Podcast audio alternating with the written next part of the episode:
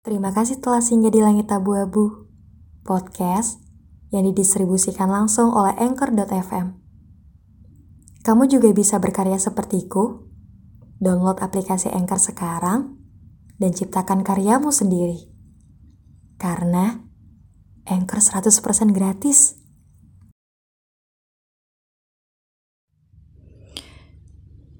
Menuju akhir tahun. Jika kalian mendengar podcast saya yang lalu-lalu, sepertinya sudah tahu hal apa yang terlihat begitu lekat untuk tahun ini. Tapi sebenarnya ada dua keadaan yang yang begitu melekat yang mungkin kalian mengira keadaan pertama adalah yang paling membekas.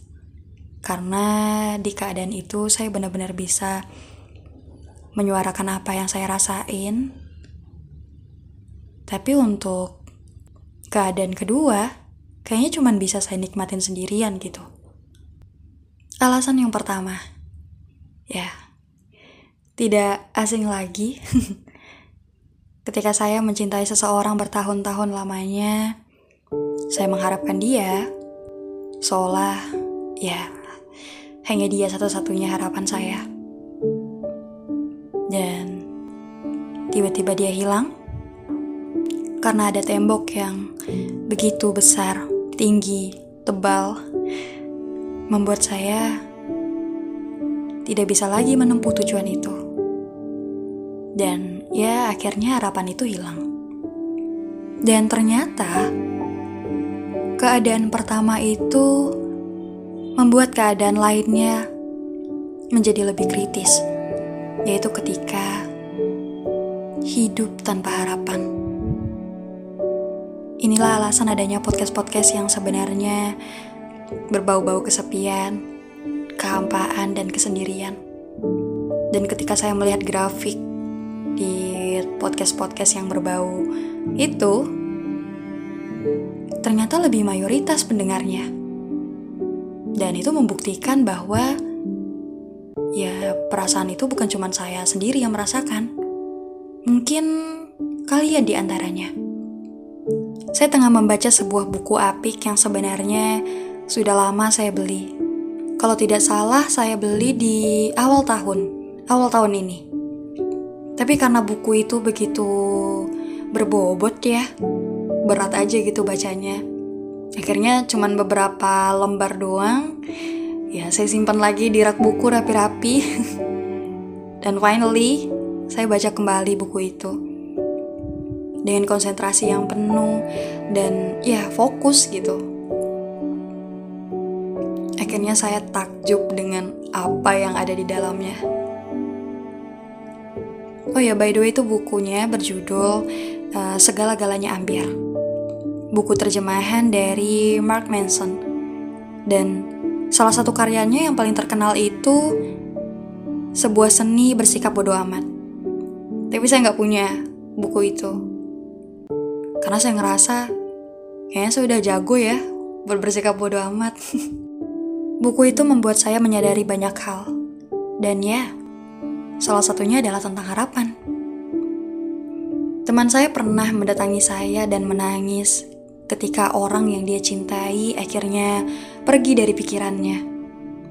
Sekaligus ya, pergi untuk menikah dengan orang lain. Kisahnya ya hampir sama seperti kisah saya.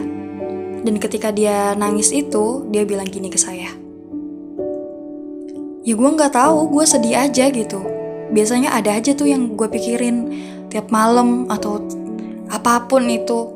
Di motor lah, pas gue denger lagu lah, ya gue pasti mikirin dia tapi sekarang pas gue perasaan gue udah nggak ada sama dia gue udah nggak ngarepin lagi. Gue malah jadi sedih tau nggak sih? Ya dan mungkin jawaban kalian akan sama persis seperti saya. Lah udah nggak ngerasain apa-apa kok malah sedih sih? Harusnya seneng dong. Nggak bakal ada yang bikin lo galau-galau lagi gitu. Dan ternyata jawaban itu ya salah. Karena ternyata kehilangan harapan itu nggak nggak semudah dan segampang yang kita pikirin gitu. Dan di buku yang sudah saya baca itu ada kata-kata seperti ini.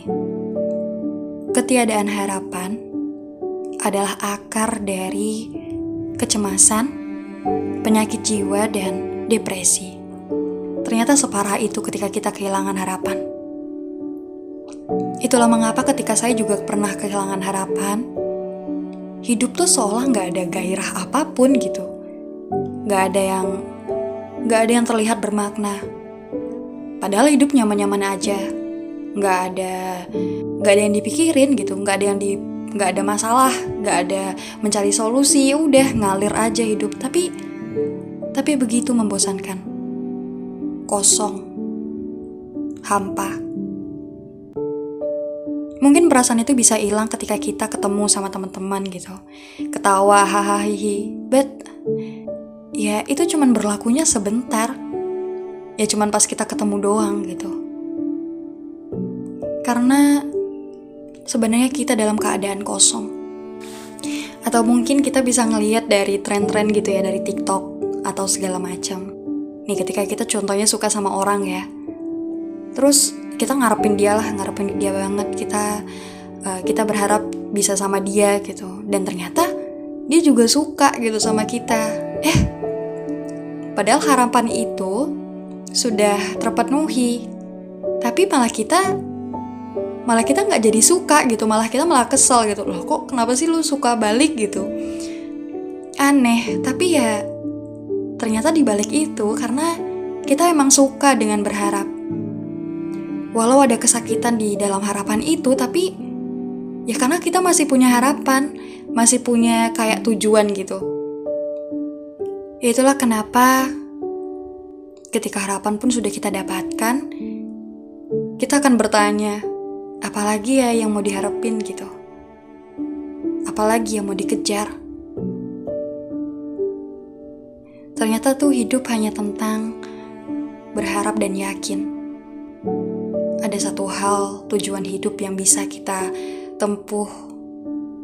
Ada makna yang mau kita cari agar perjalanan kita tuh ya nggak sia-sia gitu. Yang nggak kayak ngalir aja gitu. Soalnya ketika kita punya harapan ya ketika kita mau menuju ke suatu tempat menggunakan maps walaupun maps itu kesasar walaupun jalannya nggak bagus tapi yang penting ya kita masih ada harapan gitu. Saya mau ke sana saya harus sampai ke sana. Tapi kalau kita jalan aja tanpa arah tanpa tahu kita mau ke mana, ya akhirnya kita lelah sendiri, lelah sama perjalanan itu. Maaf podcast ini terdengar ilmiah, terdengar begitu berat, tapi ya karena kita mau menuju tahun yang baru, kita nggak mungkin bisa stuck sama hal-hal seperti ini. Nah dari situ aja kita udah punya harapan. Berarti kita mau ada perbaikan untuk tahun depan.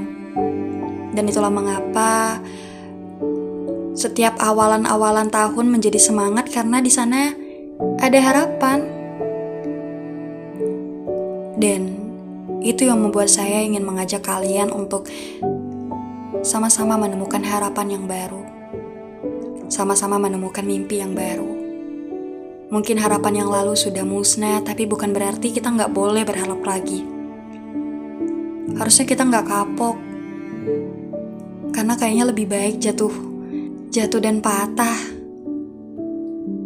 ketimbang kita seolah hanya di bawah angin lalu tanpa tujuan, tanpa arah, tanpa tahu apa yang harus kita lakuin. Jadi mungkin untuk memulai tahun yang baru, tulis saja masa depan yang kalian inginkan. Pada note, pada buku-buku harian untuk tahun 2022. Buat mimpi-mimpi masa depan yang pengen kita raih, hingga akhirnya kita kembali merasakan makna untuk hidup. Karena sejatinya, cerita dari masa depan itu menentukan harapan kita.